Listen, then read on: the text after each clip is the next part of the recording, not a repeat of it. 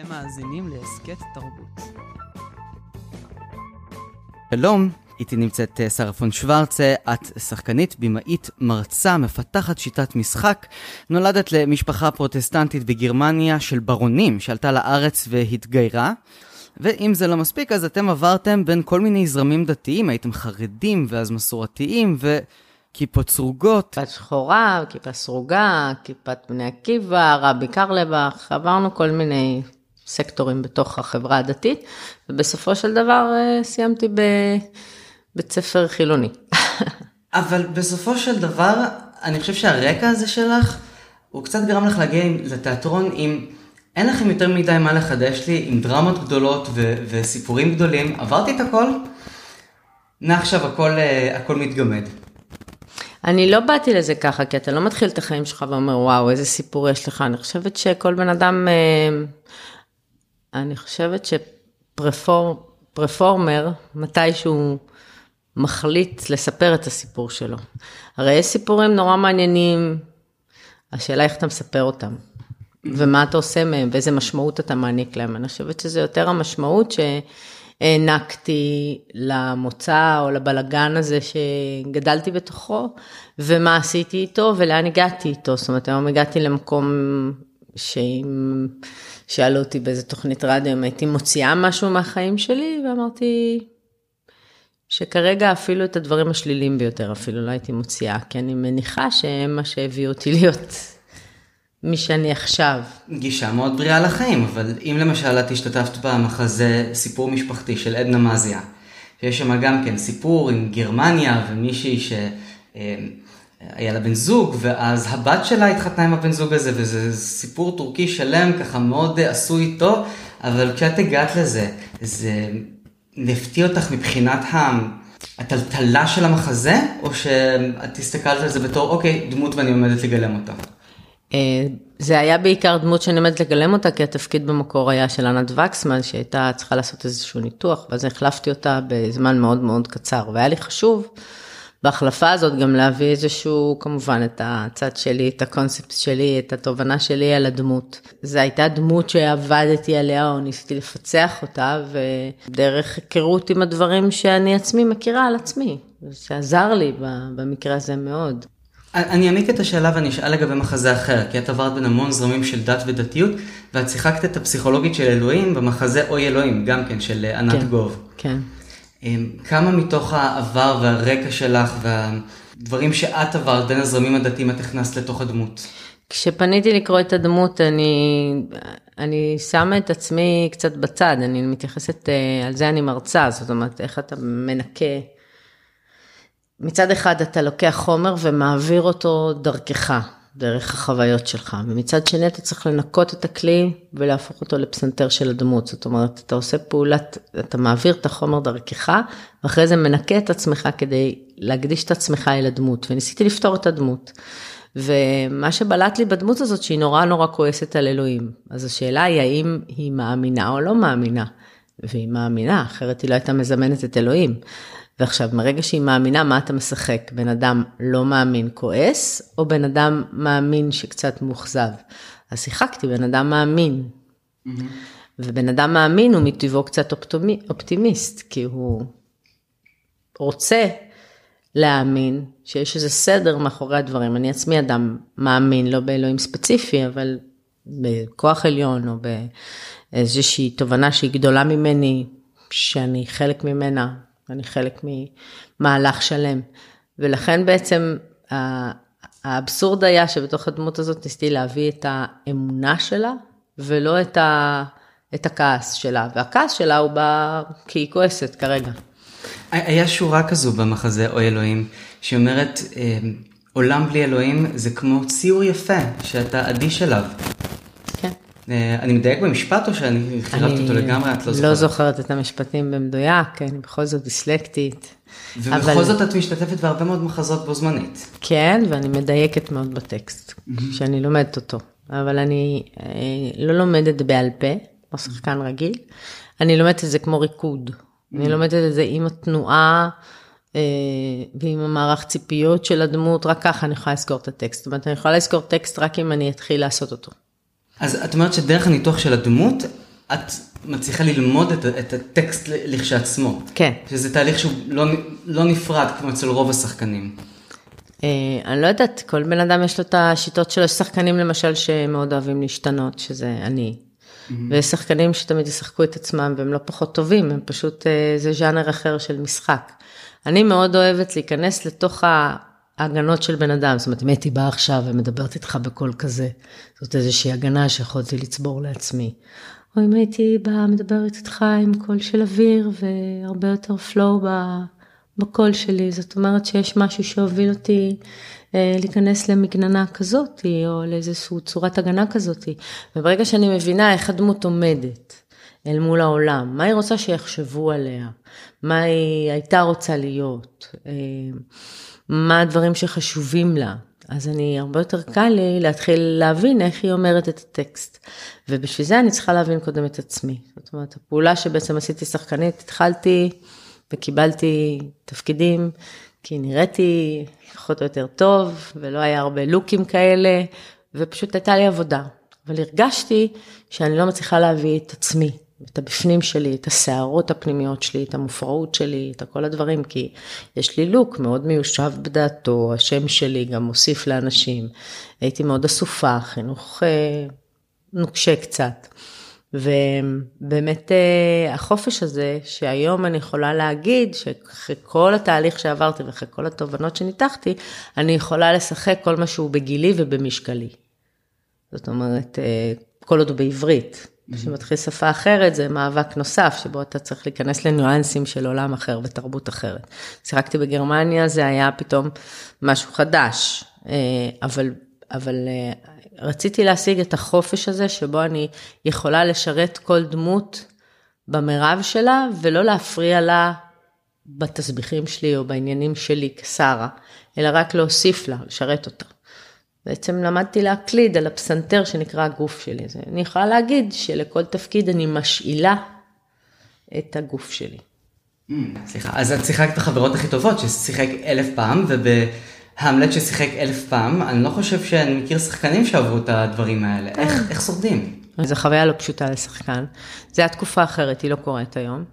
אה, היה באמת איזה תקופה, איזה גאפ כזה של הדור ש, שלנו שיצא, שפתאום אה, היה אפשרות להגיע לכזאת כמות של הצגות. אה, גם הצגות שנמכרו פחות טוב, נמכרו 400, נמכרו 300, והיום אולי אנחנו מגיעים ל-200, 250, כאילו המספרים הם אחרים לגמרי.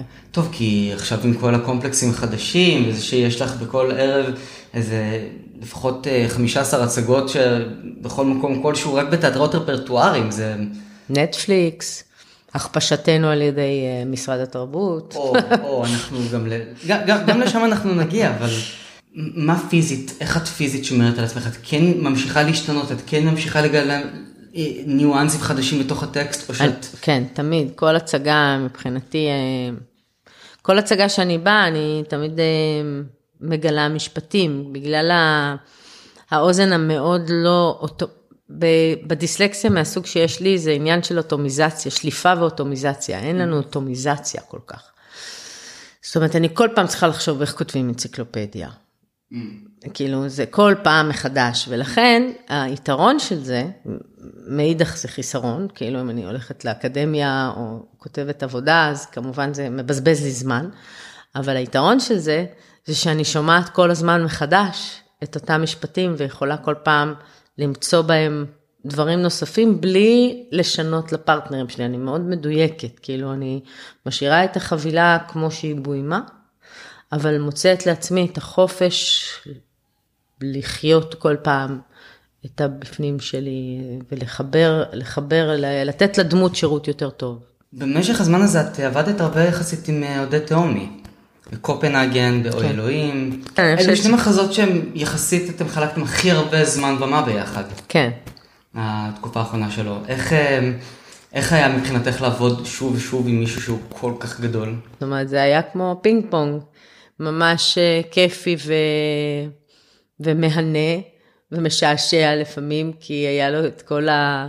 הוא פשוט עולה לבמה והוא מבחינתו המלך, נורא רואים שאימא שלו אהבה אותו בצורה מטורפת, כאילו הבן אדם עולה, ולא משנה מה הוא אומר, אם הוא אומר, איזה הצגה יש, הוא נסיך כזה, וזה נורא התאים לדמות. ואני בהוויה שלי יותר אה, אנדרדוגית כזאת, אז, אז בעניין הזה הפינג פונג היה באמת אמיתי ו, וכיפי מאוד. אה, ובקופנהגן הייתי נורא צעירה, ופתאום אני צריכה לשחק את אשתו. היתרון שלי, שכמו שראית, אני לא מייחסת הרבה חשיבות לגילאים, אין לי מושג בין כמה בן אדם, אה, וגם לא ביחס לגיל שלי, אני עדיין לא קולטת שאני בת 51 ממש. אז, אז הפינג פונג שם היה שהוא תקף את זה מאוד מהמקום של לחקור על הדמות ולקרוא עוד ועוד ולהבין את זה, ואני ניסיתי לחפש מה קושר אותה אליו. ומה אכפת לה כל כך מהבחור השלישי, ובאיזשהו שלב החלטתי שזה משולש רומנטי לא ממומש. והם דיברו על, אה, על הפצצת אטום, ואני דיברתי על אנשים, אנשים, אנשים. למה אשתו פתאום רוצה, או אכפת לה מהתלמיד הזה שבא מעם אחר, עם כל הסמטוחה וכל הזה, למה כל כך אכפת לה ממנו, ומה קורה שם? ואותי עניין מה קרה בין שלושת האנשים האלה, כמובן שמאוד התעניינתי בתהליך של האטום, אפילו קיבלתי מחמאה מהבחור שהרצה לנו ממכון ויצמן, שאני קולטת די מהר את הקטע הזה, זאת אומרת... זה... כן, זה, זה מחזה שמדבר על איזשהו רגע מפתח בהיסטוריה של המין האנושי, כן. שאיזה שני מדעני אטום ישבו בקופנהגן ודיברו על הפיתוח של הפצצה, ולא יודעים בדיוק מה קרה שם, אבל הדבר הזה שינה את מהלך המין האנושי. לגמרי. ואת ו... בתוך כל הרגע ההיסטורי הזה מכניסה דווקא את האישי וה... וה... כי אני טוענת שכל הרגעים הגדולים בהיסטוריה נבעו מאנשים שחוו חוויות שונות, שאהבו אותם או לא אהבו אותם בילדות, שמצאו את עצמם בחיים או לא מצאו את עצמם בחיים, זאת אומרת... כל ראש ממשלה וכל אה, אה, מצביא, אה, אה, לרוב הם סחרים, אה, אולי זה ישתנה מתישהו, אבל אה, אנחנו באמת, אה, אנחנו באמת הרבה פעמים תוצאה של חוויות אישיות של כל מיני אנשים. את התובנות האלה את לוקחת מזה שאת היית מאבחנת פסיכוטכנית בצבא? כי זה... נתנו לי להיות מראיינת מאבחנת פסיכוטכנית בצבא, עשיתי את הקורס בהצטיינות, ואז עשיתי בעיקר בעיות, כי מה שהעסיק, מה שהעסיק אותי נתנו לי לראיין בגיל 18, שאיתי יושבות כל מיני בנות, שיסלח לי האל, אה, מבתים מאוד טובים, שלא נגעו בשכלה של החיים. ופתאום מראיינות כל מיני נשים בבאר שבע, ואני אמרתי למפקד שלי שזה חוסר אחריות, ולכן אני יושבת עם כל בן אדם שעה, ולא מעניין אותי שהם רוצים שאני אשב 20 דקות ואני אכתוב 4 שורות, אני כותבת עמוד וחצי, ואם אני חושבת הוא יגיע לפסיכולוג, אז הפסיכולוג בבאר שבע קרס. אוקיי. כאילו, אני, אני אמרתי לעצמי, אני, תראה, עם המוצא שלי, יש לי עניין עם נשק, אני לא יכולה להחזיק נשק, במטווח בנשק, לא יכולתי להחזיק אותו. אמרתי לה, אני גרמניה לא יכולה, לא יכולה, והתחלתי לראות כל מיני כיוונים, היא אמרה, בסדר, תעצרי, תלכי לחדר, הכל בסדר. ואז כאילו, אתה יודע, מתוקף זה שנותנים לי כזה תפקיד, שבו אני צריכה להחליט אם בן אדם יכול להיות חייל, יכול להחזיק נשק, ובעיניי זה יכול, זה להיות או לא להיות. וכאילו מבחינתי הרגשתי אחריות נורא גדולה, ולקחתי אותה בשיא הרצינות, שלא כל כך התאימה למערכת, כי המערכת לא לקחה אותה כל כך ברצינות, כמו שאני לקחתי את התפקיד הזה ברצינות. חניכה מצטיינת, כפי שאמרתי. ובאמת התחלתי, כל מה שעניין אותי זה המורכבות, ויצא שאני הוצאתי ברעיונות האלה דברים שאנשים מעולם לא אמרו, וגיליתי אביוזים ודברים, ואל תשאל, ואני כותבת כל פעם אורך ראיון, ואני הבנתי ש... ש, שכאילו למערכת כזאת, שזה צריך להיות, אתה יודע, מיון ראשוני, בעצם מה שעושות החיילות, מיון ראשוני, אני לא יודעת לעשות מיון ראשוני, כי אני יותר מדי לעומק, אני לא יכולה לעשות מיון ראשוני. אני, נותנים לי עבודה, אני אעשה אותה בעומק של 600 אה, מטר, אני לא יודעת אחרת. וזה משהו שבסופו של דבר עזר לך מאוד, אני מניח, בתחום התיאטרון. את כבר אז ידעת שזה יעזור לך, או ש... הבת שלי הקטנה פעם אמרה איזה משפט שהייתה ילדה ונורא צחקתי כי זה נורא הזכיר לי אותי, אמרה לי, כזה היא נאנחה ואומרת לי, אמא, יש לי יותר מדי מחשבות בראש, מה אני עושה איתם? אז ככה התחלתי לצחוק, כי כן, יש לי, כאילו אני, אני רואה סיטואציה, ואני ישר מחפשת את הגורמים לסיטואציה ומאיפה התחילה. ככה גם כל השיטת משחק שפיתחתי, שבנויה בעצם איך טראומות יוצרות שפת גוף ומה אפשרויות לשינוי. מה שאת מובילה אותי לשלב הבא שאני רוצה לשאול אותך לגביו, כי את uh, עברת מהתחום הזה של הנשים המאוד מאופקות ואסופות, ואיפשהו התמזרחת קצת. אני מדבר ספציפית על, על זה שאת גילמת אולי את אחת הדמויות הכי מעניינות שהיו בטלוויזיה בעשר שנים האחרונות, ויויאן זגורי. תודה. ולאחרונה גם את אה, מרי נחמיאס בפמטה, וגם סוזי, האימא ברומאו ואימא. אה, אז זה ז'אנר חדש כזה שרק לאחרונה נכנסת אליו. גילמתי ש- שורה של דמויות בדרך, אה, וכל פעם אמרתי איך אני פורצת את המגירה שהכניסו אותי אליה. וזה היה העניין של המר... נורא נורא מוגבלים. אנשים בארץ נורא מלהקים, סליחה שאני אומרת, לפי מוצא ולפי מראה ולפי... אה, ו... ונורא שובצתי. בקטע אקדמי, שהוא ממש לא מתאים לי, כי אני מגה דיסלקטית.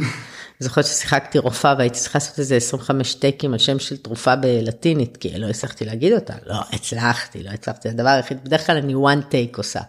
ופתאום הייתי צריכה לעשות עוד טייק ועוד טייק, אני לא אומרת את התרופה, השם של התרופה נכון. כאילו ליעקו אותי, וזה לא היה תואם האישיות שלי. אה, תכלס הדמויות החמות, הלא שולטות, המתפרצות, הן הרבה יותר אני. אני, אני, הרבה, אני מאוד מאוד חמת מזג לטוב ולרע. Mm-hmm. אני מאוד אימפולסיבית.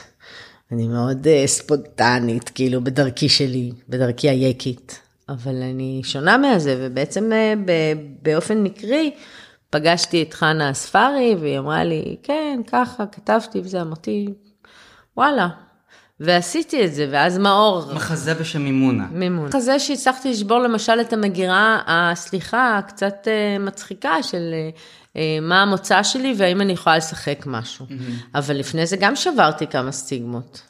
למשל בחברות הכי טובות. Mm-hmm. הדבר האחרון שאני זאת הדמות הזאת. ללי. ממש, לא קרובה אליי בשום... אישה פריג'ידית שמוצאת את עצמה מאמצת תינוקת וקוראת לרעות.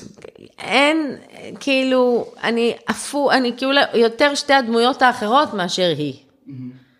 אז זה גם שבירה של סטיגמה מבחינתי. אז, אז את אומרת שאת עשית הפוך, כלומר, את עשית סיבוב של 360 מעלות, לא 180 מעלות, את חזרת לנקודת ההתחלה. אני פתחתי אני חושבת שנורא נורא חושבים פה במגירות במדינה הזאת, וכנראה היה לי צורך מאוד מאוד, בגלל שהזהות שלי מאוד לא ברורה ומאוד מוכרת, ושיחקתי עם מעורב ירושלמי דוסית, שאנשים בטוחים שאני דוסית. שיחקתי את ויביה, בטוחים שאני מרוקאית. שיחקתי את ה... את ה כאילו, אנשים הרבה פעמים...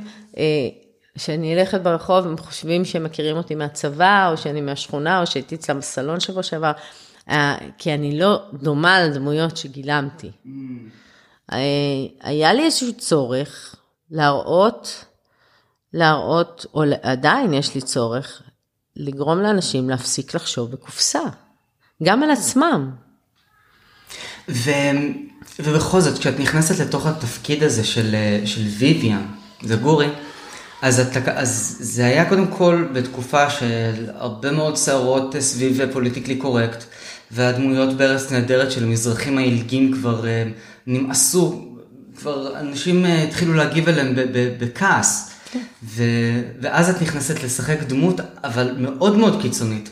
לא האנשים המזר... המזרחיות החדשות, המחויטות והפשוט עסקים, אלא באמת אה, ויויאן זגורי, עקרת הבית מבאר שבע, משהו מאוד מאוד שונה ממך מצד אחד, ומצד שני את הצלחת לגלם אותו בצורה שאני אמרתי, איך את עשית את זה? כי היא לא שונה ממני. לא, את ישבת עם, עם נשים אה, בנתיבות ורשמת איך הן מדברות? לא, כי... קודם כל גידלה אותי, הייתה לי מטפלת מרוקאית. אה, אוקיי. אני מספרת את זה בהרצאות שלי, ההורים שלי, אימא שלי מאוד זקופה ומאוד שקולה ולא מדברת עם ידיים.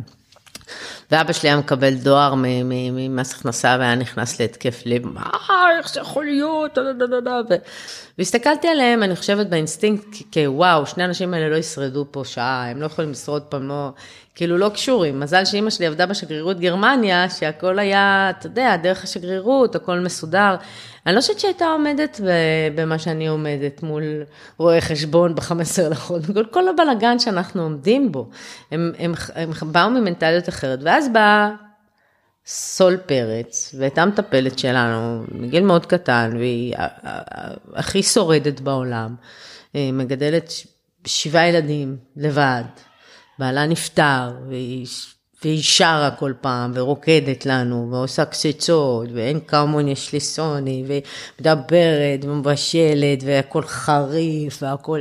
ו... וכנראה באינסטינקט שלי בתור ילדה, אמרתי, או, הנה, זאת אישה שיכולה לשרוד, אבל הרבה מהשפת גוף שלי, אני מניחה שהיא גם שלה. אז נגיד- היא, היא הייתה בתוכי, אתה מבין? זאת אומרת, כשאני אה, אה, קיבלתי את האודישן הזה, ועשיתי את האודישן עם איבגי, ואיבגי כל הזמן תיקן אותי במילים במרוקאית, אמרתי, אוי אלוהים, בגלל הדיסלקציה אני לא אקבל, כי לא זכרתי שאומרים שכלה, אמרתי שכ- שכלה, אמרתי כל מיני טעויות כאלה של מי שלא מכיר את השפה. אה, ואז אה, אמרתי לעצמי, יו, אני, אני, אני יודעת אותה, אני יודעת אותה מבפנים, ואני יכולה להביא אותה ממקום, ממקום מכבד. אני חושבת שאני מכבדת אותה מאוד, אני חושבת שהתקרת זכוכית שלה היא, אם התקרת זכוכית שלי, ויש לי תקרת זכוכית, יש לכל אישה תקרת זכוכית, זה עוד לא נפתח, אנחנו לא קרובים לזה שזה יהיה פתוח. יש בקושי במאיות, יש בקושי מחזאיות, אין, התקרת זכוכית שלי קיימת. אז שלי היא פה, שלה היא מתחת לגורגרת, היא פה. ולכן אני נורא מבינה אותה, אני רק צריכה להוריד את התקרת זכוכית שלי. עכשיו, אימהות, אני אימא. טוטאלית, אני טוטאלית. אובססיבית, אני אובססיבית. אז כבר יש לנו תכונות משותפות. כל מה שהייתי צריכה להביא זה את הפלר. עכשיו, היה לי חשוב להביא את הפלר בנגיעה, לא במוגזם. כי אם הייתי בביאה ומוגזם, הייתי חוטאת לה. אבל כן היה לי חשוב להביא את זה, כי בכל זאת ממוקמת במערך מסוים, במשפחה מסוימת. אני הייתי יכולה להיות ויויאן בנתונים מסוימים. אני הייתי יכולה להיות היא. אני לא רואה אותה אישה שונה ממני. אני רואה אותה אישה שהחברה לא מעניקה לה הרבה אופציות. אין לה לאן להביא, יש לה יכולות, היא חכמה נורא, היא אינסטינקטיבית נורא, ואין לה איפה להשליך את כל הכישורים שלה. גם כביסה, כביסה ואוכל, ועוד נעליים ועוד נעליים, ועוד זה ועוד, ו, ולכן היה לי מאוד, לכבוד הוא היה לי לייצג אותה. אז כל הניואנסים של להגיד אה, דלעת במקום דלעת, זה היו דברים שאת למדת תוך כדי, או ש... אה, מרגע ש... מרגע, אה, למשל, אני לא יכולה לעשות קולולו בחיים, אבל שאני ויליאם ויויאן אני יכולה לעשות. באמת? כן. אם כאילו אני מבקש אני- עכשיו לעשות כולו, אה, לא. ואני אבקש מוויביאן, היא תצליח? אני צריכה להיכנס אליה חזרה. היא כאילו נמצאת לי באיזושהי מגירה. זה כמו שאני באה לגרמניה, לוקח לי איזה יומיים כזה שהגרמנית תשב לי בפה. אז אותו דבר, זה כמו רוח שנכנסת בך. אז, אז יש לי שאלה, כשאת זיהית ראשונה את הרומן בין מאור זגורי לבין אה, חן אמסלם, מי זיהתה את הרומן? שרה או ויויאן? שרה. שרה, לא ויויאן? שרה, ברור, אני מזהה, אבל בגלל שאני, אני, בגלל שכל מה שמעניין אותי זה מה האנרגיה בין אנשים. הייתי יושבת בבצי בחצר, מסתכלת מי שכב עימי, הייתי תמיד צודקת. אתה רואה את זה בשניות, בנגיעות. או, אז אני שנייה אבדוק רגע בוויקיפדיה מי למד איתך בשכבה, האמת שאני יודע, אבל לא, אני זה לא אגיד סודי, בקול רם. שלוש שנים בבית צבי זה משהו סודי. ואני אני, אני מאוד מתחבר למה שאת אומרת לגבי ויויאן, כי הייתה לי איזו שיחה עם חבר שאמר לי, אוי, היא, המונית. אמרתי, היא לא המונית? מה ממש פתאום?" לא המונית. ואז כשראיתי אותך בקרום משחקת את פליציה, את האישה הבהמית שחיה בין בר מצווה לחתונה, בין בופה לבין אה, הגשה, בין רבע עוף לבורקס, דמות המונית. אמרתי לו, או, את זה אתה הולך לראות, את קרום, כדי לראות איך אה, היא מבדילה בין ההמוניות והוולגריות לבין התמימות והאובססיביות והאימהות של אה, ויויאן. לגמרי, אני נורא שמחה שאתה רואה את זה, כי מעטים האנשים שמבינים את ההבדל. אני מאוד חושבת שהיא שונה. פליציה, פליציה היא דמות, היא, היא מנסה ליהנות, זה מה שעצוב בה, שהיא מנסה ליהנות נורא. היא מנסה לקום מה, מהשכונה הזאת, מהחיים האלה, ומנסה לעשות איזה פלר של משהו שאין לה. פשוט דמות שנכנסת ויוצאת, וכל פעם היא מספרת, הייתי באירוע הזה והייתי בחתונה הזו. ו- ומרחלת. ומרחלת, ובזה זה מסתכם עד, שאת, עד שהיא מוצאת את עצמה. אבל היא רוצה אושר, היא רוצה אהבה גדולה, ואז שבעלה אומר לה, אני רוצה למות, אומרת, נותנת לו סטירה, אומרת אתה לא תמות. יחד, יחד, זה, יחד נחנקנו בזה, צחנה, ואנחנו ככה אנחנו נישאר, ותעזוב אותי. כאילו, אין מצב, היא לא, היא לא, היא, היא לא מוכנה בכלל לחשוב על שינוי. עכשיו, זה אני רואה גם מול הרבה אנשים. שינוי הוא דבר מכאיב וקשה בחיים, אבל לפעמים צריך לעשות אותו כדי לנשום יותר טוב. אז רגע, אנחנו באמת דיברנו על, אה, על פליציה ועל קרום, ובואי ניקח את זה רגע צעד קדימה, מה עם חנוך לוין? חנוך... עשית עוד דברים שלו? לא, או? ועוד פעם, אני חושבת שלא נתנו לי את זה כי עושים לי עוול. כי נורא נורא נורא אוהבים לתת חנוך לוין לשחקנים הקומיים, הקלאסיים, הישראלים. ואני לא שובצתי במסגרת הזאת, ולכן שאילן רונן נתן לי אותה, אני- לא, אני, עזוב, אני התעקשתי. שמעתי שעושים קרום, ועשיתי אודישן. ביקשתי מאילן רונן, שירה קיומרי אמר לי, חנוך לוין, ואני אמרתי, כן, אני רוצה לעשות אודישן, ועשיתי אודישן, ומיד קיבלתי את התפקיד. היה לי חשוב לעשות חנוך לוין כדי, תראה, חנוך לוין ואבסורד, אני מייחסת לזה, אני שמה את המחזות אבסורד וחנוך לוין קצת באותו סקטור, כי למה קשה לשחק אותם?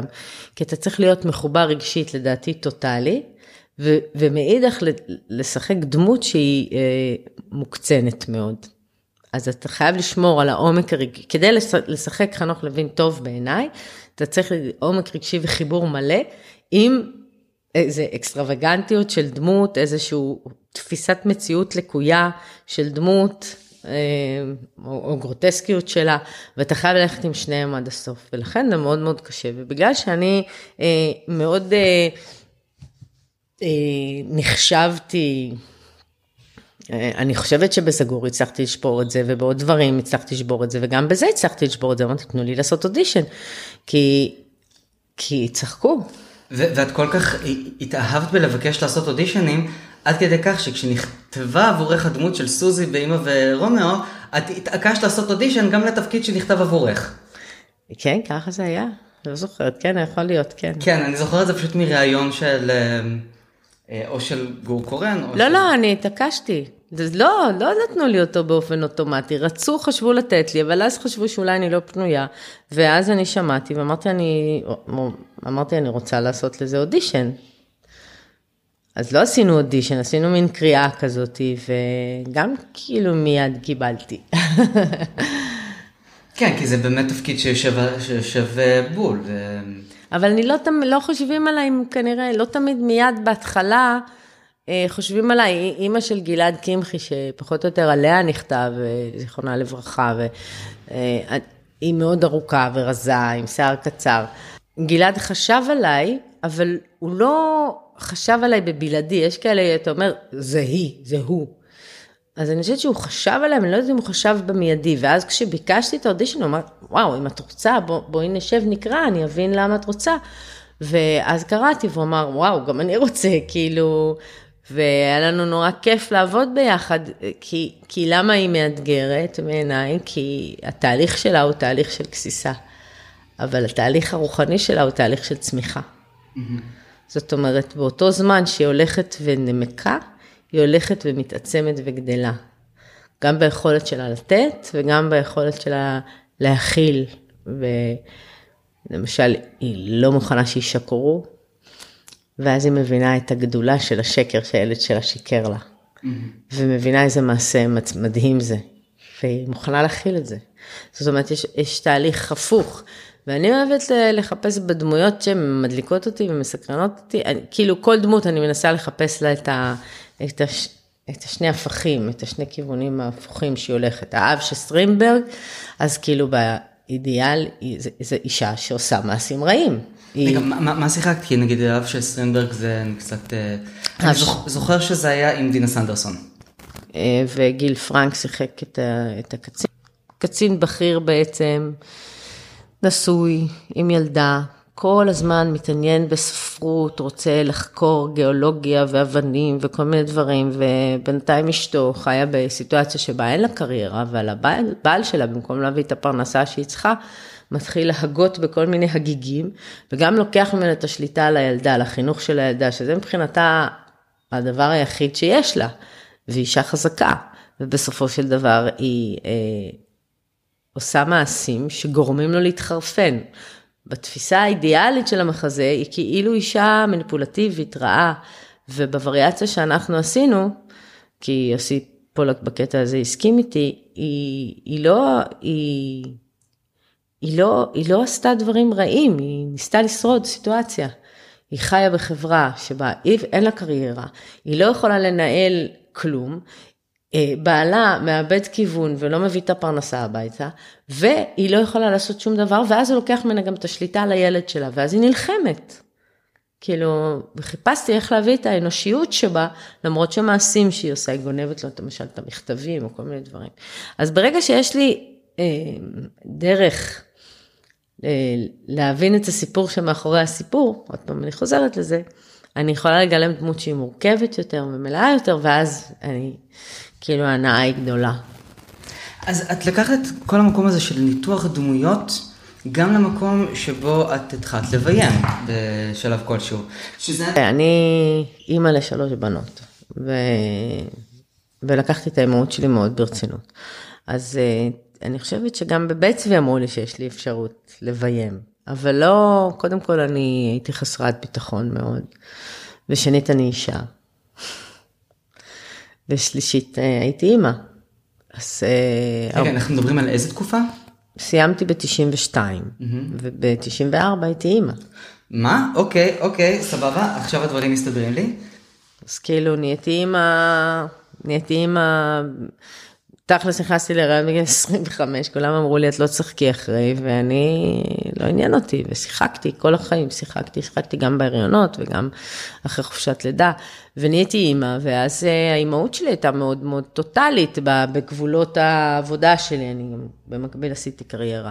אז לא יכולתי לעשות עוד משהו במקביל. אה, יותר דאגתי לזה שלמשל אני אגיע למצב של קביעות, כדי שאני אוכל להתפרנס אה, באופן סכמטי וברור, זאת אומרת חיפשתי את, ה, את הבית, את המקום שייתן לי את הביטחון, כי תמיד אני מחפשת את הבית, כי... ו... וברגע שהבנות קצת גדלו, אז, אז, אז פה ושם כן הגנבתי, עשיתי שני פרויקטים ב, באמת בבית צבי, ותמיד לימדתי, ופיתחתי את השיטת משחק שלי. בעצם, יחד, יחד עם, עם השנים של הלימוד, גם הבנתי מה אני מבינה על עצמי ומה נכון לי, אה, כתבתי מחזה, ואז חזרתי, כתבתי מחזה, הוא נס בין שני עולמות, זה היה כזה בגיל 38 כתבתי אותו, ו, ולאט לאט, אה, ככל שהבנות גדלו, לקחתי עוד נדבך ועוד נדבך ועוד נדבך, ו, והגעתי למצב שעכשיו אני יכולה, כי יש משהו בבימוי שהוא נורא תובעני, אתה לא מסיים חזרה והולך הביתה. כשחקן אתה מסיים חזרה, הולך הביתה. מקסימום אתה חוזר על הטקסט בלילה, או לומד את הטקסט בלילה, זה משהו שאפשר לי להיות עם הילדים. אה, ועכשיו, זה, להיות במאי זה, זה ללכת עם זה הביתה ולחשוב על התפאורה, ואז לדבר עם מוזיקאי, ואז לדבר עם הזה, זה הרבה מסביב. Mm-hmm. וזה משהו שאת לימדת את עצמך, או שאת עברת קורסים, או שאת uh, ישבת עם במאים? איך זה, איך זה נחת עלייך? בגלל הצורה אופן חשיבה שלי, מהר מאוד הגעתי גם לצד השני, הרי תמיד הייתי בכל מיני ועדות. תמיד הייתי בצד השני, אבל יש הבדל בין להנחות קבוצה לבין לביים אותה עכשיו שלושה חודשים, זה, אתה יודע, זה לא להיות בבית. ולא יכולתי. גם למה לא התרכזתי בצילום, בסדרות? כי זה כל פעם חמש בבוקר ויש לי ילדים קטנים, ו- ו- והחשיבה הייתה מאוד uh, הילדים, הילדים שלי. זאת אומרת, אני כן, שאמה נולדה, השנייה שלי למשל, שבועיים אחרי זה הייתי על הסט של ארץ קטנה, uh, של הפנר, ארץ קטנה, איש גדול, uh, על הסט של הפנר עם התינוקת בידיים. אבל... Uh, האימהות שלי, אה, כן, היא הייתה תמיד מאוד מאוד אה, דומיננטית אצלי, ובימוי זה משהו שאתה, אתה חייב לשכוח את השעון. Mm. וזה היה קשה מדי שהן היו קטנות. בעניין הפיזי והטכני של להיכנס לתוך אה, חדר חזרות ולעבוד כבמאית, ולהתחיל לעבוד עם הטקסטים מהכיוון השני, כמה מהר הצלחת להפריד בין שרה השחקנית לבין שרה הבמאית? הרבה יותר קשה לי להפריד בין שרה הבימאית לשרה השחקנית, זאת אומרת, אני הרבה יותר בימאית משחקנית. באמת? גם כשאת משחקת את מביימת? אני צריכה באיזשהו שלב בחזרות להגיד לעצמי, תפסיקי לחשוב. אז מצד אחד זה אורח חיים, אבל מצד שני זה גם הפך אותך למעין אה, אשת עסקים. לא, לפני כן, האשת עסקים. הבימאית, כן, אנחנו דיברנו בעצם על המצב של ה... ש... שמה קודם, השחקנית או הבימאית. אז אני הרבה פעמים, להפך, אני צריכה להשתיק את הבמאית שבי. זאת אומרת, בגלל שאני control freak, ובגלל שאני אה, מאוד מאוד בודקת דברים עד היסוד, את כל הגורמים מכל הצדדים כל הזמן. זאת אומרת, אימא שלי נכנסת לחדר, והיא יכולה להגיד לי שפה זה ככה וזה הולך לקרות, ופה, זאת אומרת, יש איזשהו חינוך ללנסות לצפות את כל האפשרויות, שזה ראש של במאי. ו, ושחקן הרבה פעמים נדרש לעשות את מה שהוא עושה, ולא להתערב לאנשים אחרים. ולא לחשוב עכשיו אם השולחן ייכנס או לא ייכנס, ואם השולחן יפה או לא יפה, ואם המוזיקה עכשיו מתאימה או לא מתאימה, אבל אני ידי בכל ויד כל בי, זאת אומרת, והרבה פעמים אני, אני, אני, אני קוראת את המחזה, אני לא קוראת רק את התפקיד, שיש שחקנים שמסמנים את שלהם במרקר ואין להם מושג מה אחר אומר.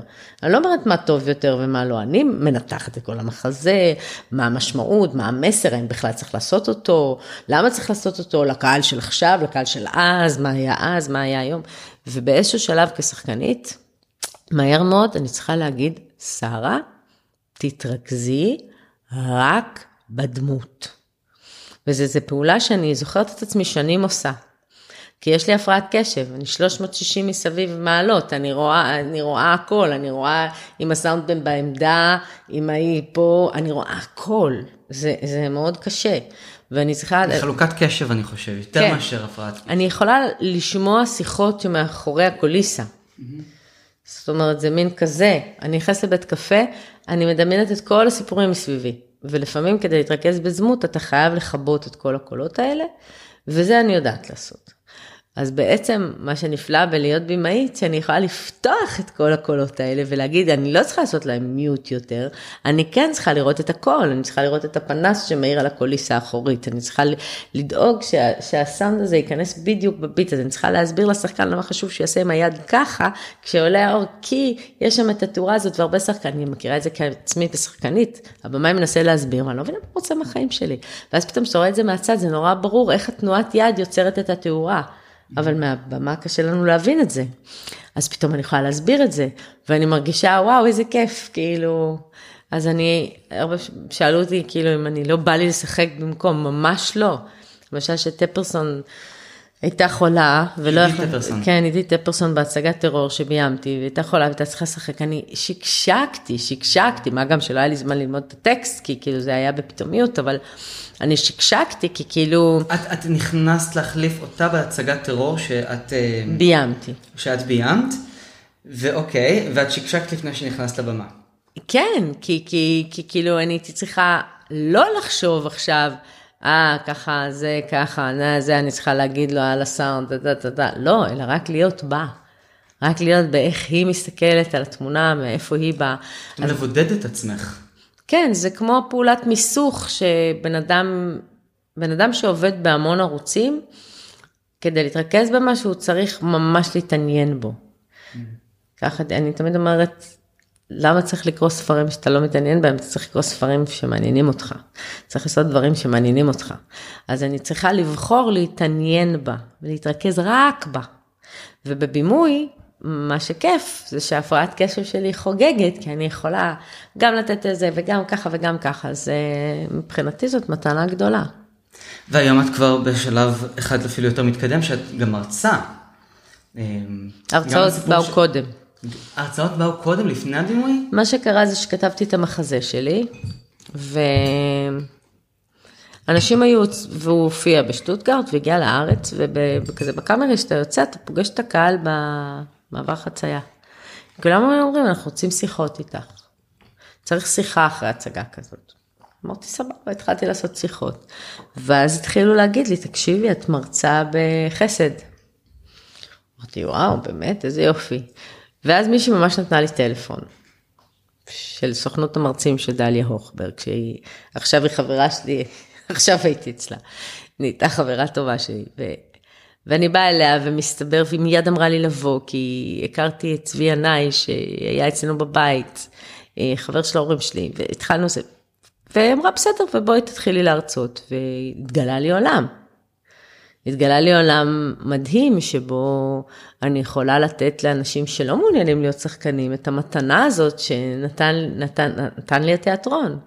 ללמוד למה אנחנו עומדים, למה אנחנו מדברים, למה אנחנו מסתכלים כמו שאנחנו מסתכלים, והאם זה באמת מייצג אותנו. זאת אומרת, אז כאילו התחלתי בללמד סטודנטים למשחק, פיתחתי שיטת משחק שהקלה, שהבהירה לי מה אני רוצה, לאן אני רוצה להגיע. שיטת משחק שאני רואה שעובדת נהדר עם סטודנטים. הגעתי להרצאות, ראיתי שאותה שיטה בדיוק עובדת מדהים אנשים מסוגים שונים, הייטק ו- ותלמידים ונוער ומבוגרים וכל אה, מיני, זאת אומרת, באים אליי אנשים מכל הסוגים. ואז התחלתי גם לביים. אז, אז עכשיו את נמצאת ב, במקום שיש לך את כל הסל הזה של כל הדברים שאת uh, עושה, ויש עוד תחומים ש, שככה עדיין מדגדגים לך שעוד לא נגעת בהם, שירה או לימוד טלוויזיה. תראה, שירה נורא מדגדגת לי, אבל אני לא בטוחה שתדגדג לאנשים אחרים. אה, אני לא דיברתי ספציפית על שירה, אלא, אלא על האם יש לך תחומים חדשים שאת יודעת שאת רוצה להתפתח לכיוון שלהם, או שאת מחכה שהם... להיפגש בהם כפי שנתקלת במקרה? ברור לי שאני, כאילו, ברור לי שאני צריכה לגבש את מה שאני מעבירה בהרצאות ובשיעורים לרמה של ספר. ברור לי שאני רוצה עוד ועוד לביים. אני בעיקר אה, רוצה לעשות אה, אומנות שהיא מעוררת שאלות, לא אכפת לי איזה סוג של אומנות. אם אני אמצא את עצמי מציירת שוב פעם, לא אכפת לי. אבל זה, כל דבר מבחינתי הוא צריך להיות... אה, אין לי זמן יותר, אין לי זמן או כוח לעשות דברים שלא מדברים אליי. אני רוצה לעשות דברים שיש לי דרכם מה לשאול, ויש לי דרכם מה להגיד, זה משהו שנתנו לי את אוליאנה, אמרתי לו, למה אתה רוצה לעשות את זה? מחזה אוליאנה שעולה בתיאטרון הקאמרי, שמדבר על הטרדה מינית של סטודנטית. אמ, ועל ידי מרצה שלה, כלומר לא הטרדה מינית, אלא משהו שיכול להתפרש כ... שכן הטרדה מינית, שאתה אומר למישהו, בוא אליי לשיעורים פרטיים, ואתה פרופסור שלו, זה לא בסדר. אוקיי. אמ, שאתה נוגע בו או מחייך אליו, זה לא אמור להיות ככה. אוקיי, אז אנחנו, נד... אנחנו נדון במשמעות. הוא של... לא מתנהג בסדר. הפרופסור הזה, בין זה לבין להאשים אותו באונס, הדרך ארוכה. זה הדור הנגוע הזה שאני גדלתי איתם. אני אנשים שאני מתה עליהם בחלקם, אבל הם נגעו, והם העירו, והם נכנסו לטריטוריה של אדם, ובקלות יכול לדבר, ו- ואתה יושב במועצה או בוועדה, ומעיד עליה, ואת יפה היום. וזה מפריע. זה לא צריך להיות ככה. לא אכפת לי שתגיד לי שאני יפה אחרי זה בחוץ, בחוץ בסיגריה, אבל כשאני באה ברמה מקצועית, ואני יושבת בוועדה איתך, אני לא אומרת לך, וואו, החבילה שלך נראית ממש טוב עכשיו במכנסיים. אז כאילו, למה אתה מעיר לי על הפטמות, ואיזה חזייה יפה יש לך שרואים את הדנטל שלה, כאילו, זאת אומרת, יש איזשהו משהו שאתה אומר, ההתנהגות הזאת הייתה נגועה. בין זה לבין אונס, לבין דברים ש, ש, שניתנים היום, אני עדיין אומרת, אני אומרת שאנחנו כחברה חייבים לעשות דרך לשינוי. כשהתערבו לסטודנטים, האם הם הומואים או לסביות, זה פלישה לתוך הפרטיות שלהם. איפה? זה היה חלק, אתה יודע, בוא תצא מהארון, תיכנס לארון. אה, בבית צבי. בכל מיני מקומות, כן, היה מאוד מאוד מקובל אה, אה, אה, לנתח אותך בגרוש ורבע, זאת אומרת, יש איזשהו, אני, אני שמחה ש...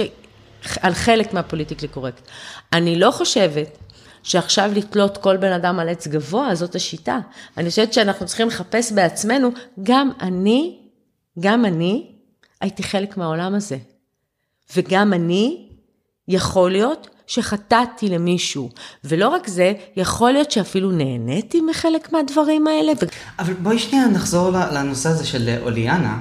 כי את, אה, אנחנו התחלנו לדבר על הנושא של המחזה, אבל בואו נדבר על המחזה עצמו. אז זה למחזה... לך נתנו מחזה שהוא בן 20 שנה. הוא מ-92, בדיוק כשאני יצאתי מבית צבי, והוא נגד הפוליטיקלי קורקט. הוא בעצם אמר, אה, מה יש לכם, אנשים? כאילו, בואו נשאיר את המרווח נשימה הזה. דיוויד מאמט הוא פרובוקטור, ושעומר נתן לי את זה, קראתי, ואמרתי לו, למה אתה רוצה לעשות את זה עכשיו? עד שסוף סוף האנשים...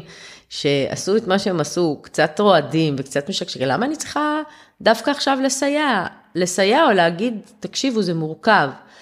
ואז אמרתי, כן, אני כן רוצה להגיד, חברים, זה מורכב. כי עדיין זה כבודו ושמו של אדם, גם שלה. והיה לי חשוב לעצב את הדמות שלה כמי שנפגעה כבר קודם. ובגלל שהיא נפגעה קודם, התגובה שלה היא גם לא תגובה רציונלית ולא פרופורציונלית למה שקרה, כי היא נפגעה כבר מספיק פעמים כדי לבוא אליו, והיא פוחדת כל פעם שהוא בא לנגוע בה. כי היא כבר חוותה דברים לא נאותים. והרבה אלימות שאנחנו חווים, זה מאלימות שלא, זאת אומרת, אני יכולה לחפש חנייה ומישהו יכול לדקור אותי. הוא דוקר אותי לא, לא בגלל החוויה של כרגע, הוא דוקר אותי בגלל ה-20 אלף חוויות שהוא עבר קודם. זה לא מצדיק את הדקירה שלו, אבל הוא חלק מחברה ומתרבות. וממשהו שצריך לשנות אותו מהיסוד, בקטע של למה בן אדם מגיע בגיל 20, 25, 27 להיות כל כך כועס. אז את קצת הבאת את אה, הדמות של קארול במחזה אוליאנה למעין סוג של וויצקית. מישהי שנפגעה, נפגעה, נפגעה, ובסופו של דבר כשהתפרצה זה היה במקום הלא... יכלה לבחור את הקרב שלה בצורה יותר טובה. אומרת, אני באתי ממקום קטן, אני באתי ממקום שעשיתי המון כדי להגיע לאוניברסיטה הזאת, היא עשתה הכל. ועכשיו, בציון הזה נקבע אם היא תמשיך או לא תמשיך ללמוד.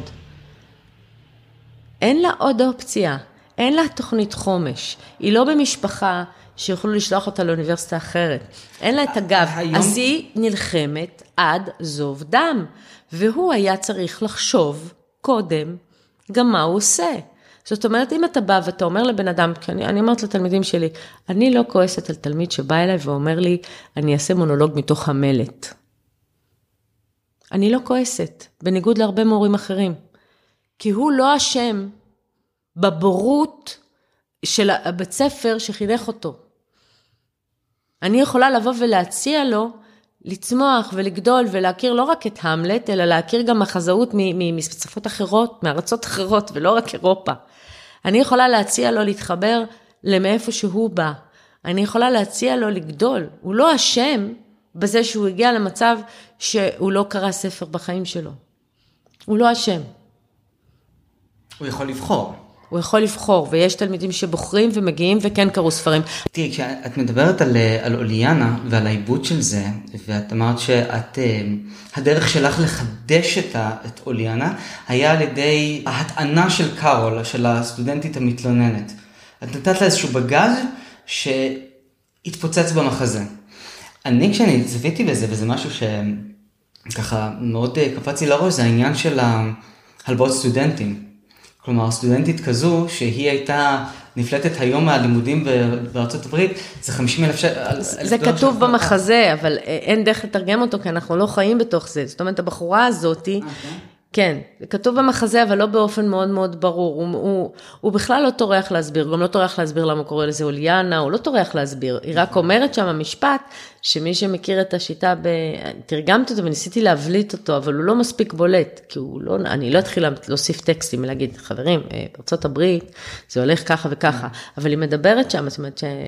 שהיא תצטרך לעבוד שנים יש משפט קטן כזה שצריך לעבוד. וזה עוד ב-92, היום אנשים גם כשמסיימים אה, לימודי משפטים וטכנאות, הם גרים ברכב שלהם עוד חמש שנים כן. לתוך הסטאז'. עכשיו, הבחורה הזאת היא עבדה שנים לפני כדי להגיע לשם. תעבוד שנים אם הוא יזרוק אותה. והוא זורק אותה בגלל משהו שהיא לא ממש יכולה לשלוט בו. היא רוצה לדעת, היא באה אליו ורוצה לדעת. ו- ו- ו- והוא קצת מתנשא מעליה, והוא לועג לה קצת. את רוצה לדעת, אבל כתבת שטויות, בסדר, אז, אז תלמד אותי. אז אל תעשה לה שיעורים פרטיים, תהיה פחות אורגנטי בכיתה, ותהיה קצת יותר מכיל, ואל תגיד מילים בלועזית, ותחשוב שכולם אמורים להבין אותם, כי הם הגיעו ללמוד באוניברסיטה. אם הם בשנה א', אז תסביר את המילים בלועזית, כי מתי הם, הם, מתי הם יתעניינו ב, בלועזית, או תמליץ להם להשלים את הידע שלהם בלועזית. לא כל תלמיד שמגיע בשנה א', אה, יודע מה זה כל מיני מילים. Mm-hmm. ולפעמים המגדל שן האקדמי, האקדמי, אני מסכימה שהוא צריך להיות, כן, בשנה רביעית, בשנה חמישית, בשנה שלישית, אני מבינה. אתה אמור כבר לדעת, סליחה. אבל בשנה א', יש איזושהי הכלה שצריכה, יש איזשהו תפקיד של גשר ש, שמצווה מרצה לעשות. מה את מרגישה שהיום הקשיים הגדולים ביותר שעומדים בפני תלמידים בבתי ספר למשחק, אם אנחנו כבר אה, מדברים על לימודים? אני מרגישה ש... אה, תראה, יש לי, יש לי תיאוריות שלמות פה. אחד, הם באים לתוך למצב של תיאטרון שקשה לו מאוד לשרוד כלכלית, אנחנו כמעט לא מסובסדים, אנחנו מסובסדים באחוזים מאוד נמוכים יחסית לאירופה. ובארצות הברית יש שיטה שונה לגמרי שהיא בנויה על פילנטרופיה, שהיא חלק מדיווח כולל, זאת אומרת בן אדם יש לו אינטרס לתרום, כי זה חלק מהדיווח מס שלו. ולכן האומנות שם הרבה פעמים מושתתת על פילנטרופיה, ובאירופה היא מושתתת על סבסוד, ואנחנו נסתהר נסתהין, לא פה ולא שם. ואנחנו בעצם מקבלים אה, אחוזים מאוד מאוד קטנים, ובאידך צריכים לקיים מחזור מאוד גדול. ושנית, הקריטריונים שמשרד התרבות יצר הם קריטריונים שדנים בעיקר בכמות ולא באיכות, כי אסור להם לדון מהי איכות ואיפה איכות, אבל הם דנים מאוד בכמות.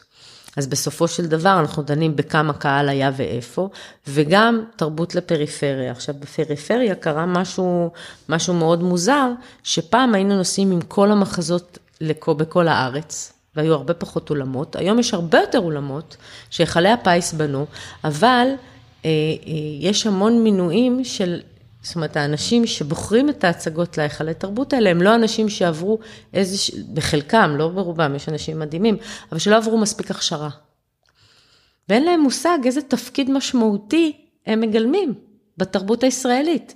אז הרבה היכלי תרבות מעתיקים מהיכל תרבות הסמוך, שמעתיק מהיכל תרבות, אז בסך הכל, כל התרבות לפריפריה היא כמעט אותם מחזות בכל ההיכלי תרבות.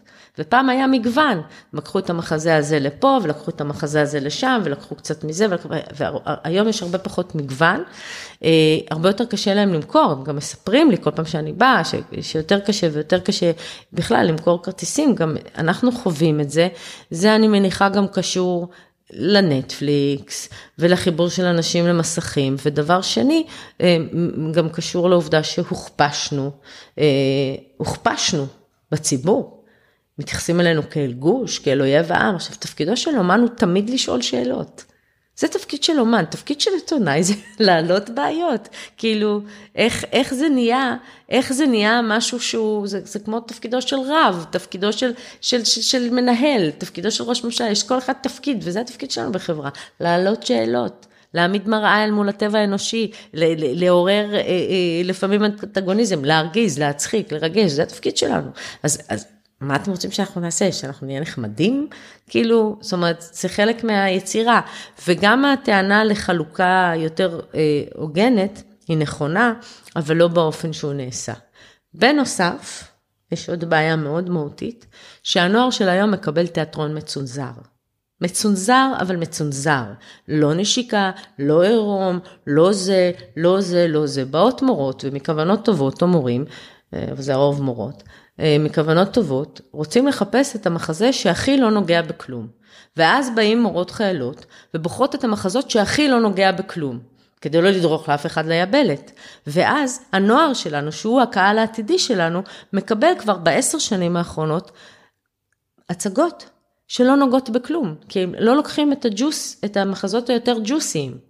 ואז זה הקהל העתידי שלנו, אז ברור שהוא לא מתעניין בתיאטרון. אבל הג'וס נמצא בטלוויזיה, הג'וס נמצא בפאמטה, הג'וס נמצא בזגורי, הג'וס נמצא דווקא במקומות. אבל, אבל התיאטרון, אבל יש גם תיאטרון כזה, אבל הם פשוט לא, לא זוכים לראות אותו, ואז אחרי זה הם, אין להם צורך בו.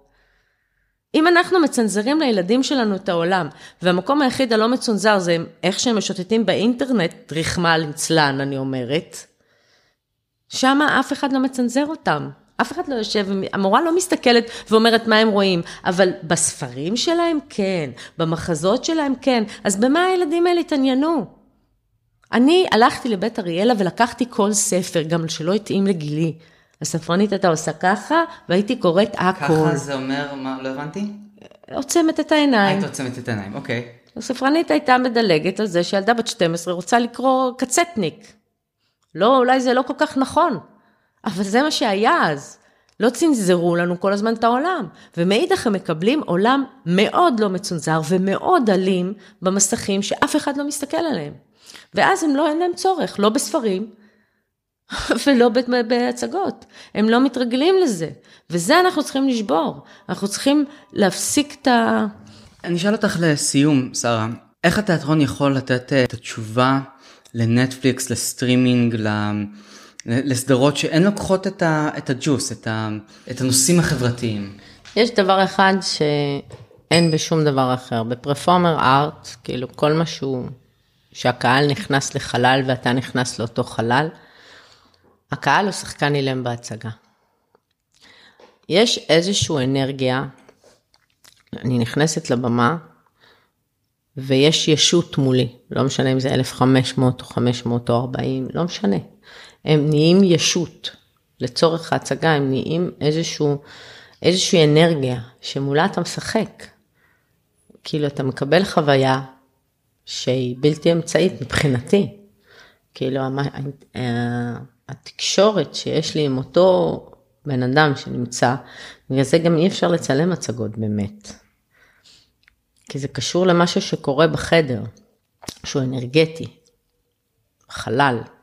אה, ואני חושבת ש... שבתיאטרון טוב, אה, זה תיאטרון ש... שהקהל הוא חלק.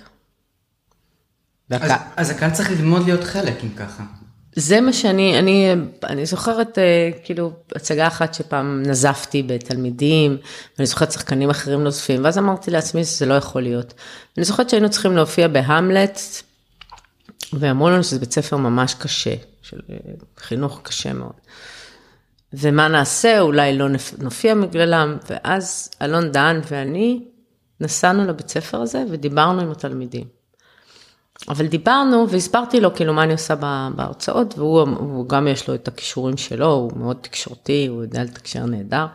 הוא הלך לכיתה ואני הלכתי, והסברנו להם את ההבדל, את מה שבעצם קהל עושה לנו.